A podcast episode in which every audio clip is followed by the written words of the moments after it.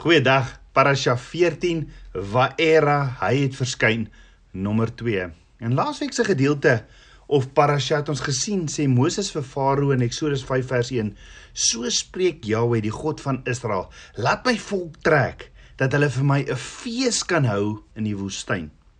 Maar toe antwoord Farao en sê in vers 2: "Wie is Jahweh na wie se stem ek moet luister om Israel te laat trek?" Ek ken Jahweh nie en ek sal Israel ook nie laat trek nie. Farao het Abba Vader nie geken of gejada nie, maar nie verlang nie. Dit gaan binnekort verander Farao. Farao het Abba Vader nie geken nie en kon nie verstaan wie is hierdie belaglike skaapwagter wat nou kom met 'n versoek en sê laat my volk gaan nie. Ons het gesien hoe Abba Vader vir sy volk sewe beloftes gee soos 'n huweliksvoorstel. Hy beloof om sy volk uit Egipte uit te lei, hulle te red uit slawerny, om hulle te verlos met 'n uitgestrekte arm, om hulle aan te neem as sy eie, om 'n God vir hulle te wees, om hulle te lei na 'n beloofde land en vir hulle die land te gee as 'n ewige besit. Maar hoe het die kinders van Israel reageer op hierdie huwelikskontrak? Eksodus 6 vers 8 sê: Moses het toe so met die kinders van Israel gespreek maar hulle het nie na Moses geluister nie uit ongeduldigheid en weens die harde diens. Is Abba Vader se volk sy bruid miskien besig om haar toe get te speel?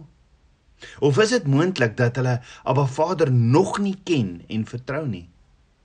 Dit gaan ook baie vinnig verander, maar maar kan jy dink hoeveel verwerping en aanstoot moes Moses mee gesit het? Hy het tog egter vir Abba Vader gesê, hy weet nie of hy die regte kandidaat vir hierdie opdrag van Abba Vader is nie. So daar gaan genesing moet plaasvind vir die seer wat Moses nou gekry het, want Moses is weer eens verwerp deur sy eie mense. En Farao maak dit nou nog erger. Moses is nou verskriklik ge uh, onpopulêr by sy eie mense daar in Egipte die verwerping van Abba Vader se voorstel weens die volk se bitterheid en en werkslading wat nou verhoog is het Moses in 'n geweldige situasie geplaas. amper 'n situasie van weghardloop vir ewig. Want Moses vat verwerping baie persoonlik. Want hoekom werk dinge nou nie so uit nie? Hoekom kan Farao dit nie verstaan nie en hoekom ontvang sy eie mense nie die goeie nuus wat Abba Vader hom mee gestuur het nie? Hoekom vertrou hulle nie vir Abba Vader nie en doen net wat hy sê nie? Of het Moses dalk gedink die fout lê by homself?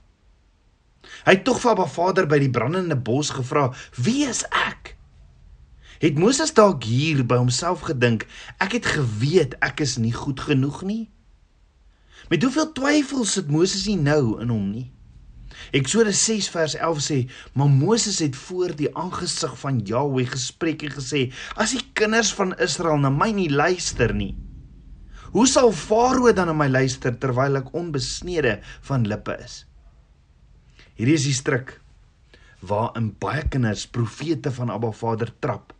En dit is eerstens direk gekoppel aan die vrees vir die mens. Hoe baie keer deel 'n profeet van Abba Vader Abba se waarheid met ander en dan aanvaar hulle dit net glad nie. Dit maak seer want jy seker die woord van Abba Vader is van hom af. Jy deel dit net so en nou is almal kwaad vir jou. Jy verloor ook dan sommer familie en vriende in die proses. Onthou jy as profeet van Abba Vader is menslik en wil ook graag aanvaar word en jy wil ook sien dat die woorde van Abba Vader effek het op die wat daarna luister. Tweedens is dit ook direk gekoppel aan die twyfel in jouself. Dan ook is dit direk gekoppel aan 'n gevoel van eie belangrikheid. So die waarheid wat 'n profeet of 'n spreekbuis van Abba Vader leer in die wandel saam met hom is dat dat jy nie geroep is om vriende te wen of om mense te beïnvloed nie. Nee, 'n spreekbuis, 'n profeet, die 'n uh, eh, uh, eh, profeet se Hebreë naam is Naba wat beteken 'n spreekbuis. 'n Spreekbuis van Abba Vader is geroep om sy stem duidelik te hoor, om te sien wat Abba Vader volgende gaan doen. om Abba Vader se hart te ervaar as ander sy woord se beloftes afkeer. Om jou mond vir Abba Vader te gee sodat jy net spreek wat Abba Vader deur jou mond wil spreek en niks anders nie. Hoor wat sê Abba Vader byvoorbeeld vir die profeet Jesegiel in Jesegiel 2 vers 3 tot 8. Mense kind ek stuur jou na die kinders van Israel na die opstandige nasie wat teen my opgestaan het. Hulle en hulle vaders het teen my oortree tot hierdie selfde dag toe. En die kinders is hard van aangesig en verstok van hart. Ek stuur jou na hulle en jy moet vir hulle sê so spreek die Here Here. Maar of hulle nou al luister of nie, want hulle is 'n wederstrewige huis. Hulle sal moet erken dat daar 'n profeet in hulle midde gewees het. En jy mensekind, wees nie vir hulle of hulle woorde bevrees nie, omdat die dussels en die dorings by jou is en jy by die skerp skerpioene woon. Wees nie bevrees vir hulle woorde en wees voor hulle aangesig nie verskrik nie, want hulle is 'n wederstrewige huis. Maar jy moet hulle my woorde verkondig, of hulle al luister of nie, want hulle is wederstrewig. Maar jy, mensekind, luister na wat ek jou sê. Wees nie wederstrewig soos die wederstrewige huis nie. Maak jou mond wyd oop en eet wat ek jou gee.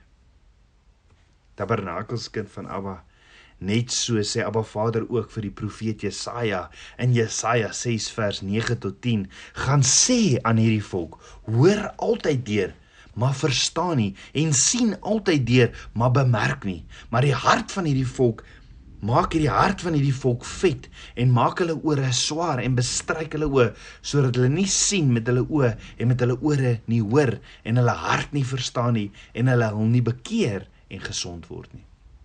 Jy sien Abba Vader roep nie oor die algemeen sy profete of sy preek, sy spreekbuise na plekke of gehore toe waar groot massas hulle sal volg of doen presies wat hulle sê nie of waar almal jou kom aanmoedig uit waardering vir dit wat jy doen nie. Daar is wel sommige mense wat sal luister na Abba Vader se profeet, maar meeste van die kere het Abba Vader dit al reeds op hulle harte gesit. So hoekom stuur Abba Vader dan spreekbuise of profete? Abba Vader roep en stuur profete in die meerderheid van die kere na diegene toe wat absoluut nie wil hoor nie en wat weier om die boodskap te luister ongeag hoe goed die profeet praat. Abba Vader stuur die profeet net om te bewys hoe hard het die harte van van die wat daarna luister geword. En dan op 'n sekere stadium besef die wat nie wou luister nie dat dit wel al die tyd Abba Vader was wat met hulle gepraat het, maar kies dan nog steeds doelbewus om aan aan te gaan soos wat hulle wil. Abba Vader stuur oor die algemene profeet na mense toe wat hom verwerp sodat daar duidelik gesien kan word deur hulle self en deur ander dat hulle hulle rug op Abba Vader gedraai het en dat daar geen verskoning is van hulle het nie geweet nie soos in die geval van Jona nê Die profeet is dan ook Abba Vader se getuienis dat die volk Abba Vader nie wou nie wou aanhoor nie. Daarom word profete gestenig of doodgemaak reg deur die woord. Sommige van ons, veral in die begin van ons roeping, dink dat die rede waarom ons geroep is, is omdat Abba Vader desperaat na iemand op soek was soos ek of jy nê, met soveel talent en passie om die wêreld te gaan omkeer met sy waarheid. Maar die meeste profete of spreekbuise van Abba Vader of die wat met tyd geleer het, weet beter as dit en doen wat Abba Vader sê. Sê wat Abba Vader sê, want dit sal 'n positiewe invloed en verskil in ander se lewens maak. Meeste spreekbuise in Abba Vader se hande wil graag God's gift to mankind wees, maar is nie. Nee, profete moet oor die algemeen goed vir mense sê wat mense nie graag wil hoor nie wat dit dan in wat dit dan in elk geval sê of mense dit nou ten harte neem en gehoorsaam of nie. Daarom kan 'n profeet nie te sensitief wees of met 'n broos ego rondloop nie. Na Moses by Abba Vader gekla het oor oor niemand wat na hom wil luister nie en dat Farao ook nie gaan nie, eindig Moses met presies wat die probleem by alle profete eh, afdeur wat hy sê. Moses stop sy eie gekla by Abba Vader met die volgende woorde. Hy sê: Ek is onbesnede van lippe. Nou wat op aarde beteken onbesnede van lippe? Kan jy onthou wat was die reaksie van Jesaja toe hy Abba Vader sien sit het op 'n hoë en verhewe troon terwyl sy soem die tempel gevul het in Jesaja 6 en hy hoor die serafs roep uit heilig heilig is Jahweh van die leerskare Jesaja het gesê in Jesaja 5 ag in Jesaja 6 vers 5 tot 8 wee my ek is verlore want ek is 'n man onrein van lippe en woon onder 'n volk wat onrein van lippe is want my oë het die koning die Here van die leerskare gesien. My een van die serafs of engele het na my toe gevlieg met 'n gloeiende kool in sy hand wat hy met 'n tang van die altaar afgeneem het om my mond daarmee aangeraak en gesê kyk dit het jou lippe aangeraak en jou skuld is weg en jou sonde versoen. Daarop hoor ek die stem van die Here wat sê wie sal ek stuur? En wie sal vir ons gaan? Toe antwoord ek hier is ek stuur my. Met ander woorde dit wat ons leer in Jesaja 6 wat wat Moses vir Abba Vader ook sê deur te sê ek is onbesnede van lippe beteken twee dinge naamlik om Abba Vader te eer in aanbidding en om te sê net wat Abba Vader sê om te sê soos wat die engele Abba Vader geëer het en net gespreek het wat Abba Vader vir hulle gesê het om te spreek.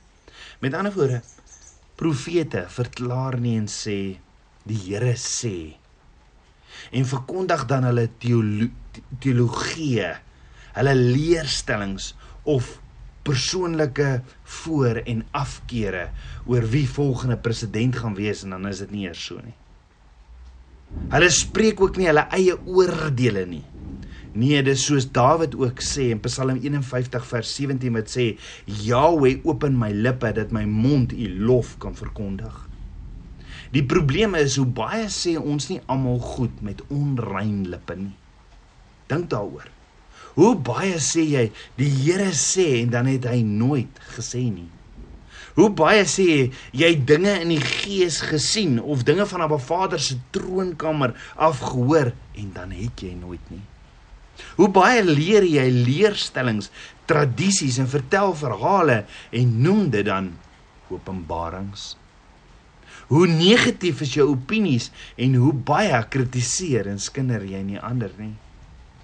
Daarom, hoekom nie dalk vir Abba Vader vandag vra om sy engel ook te stuur met 'n vuurkoel om my en jou onrein lippe ook te kom aanraak nie?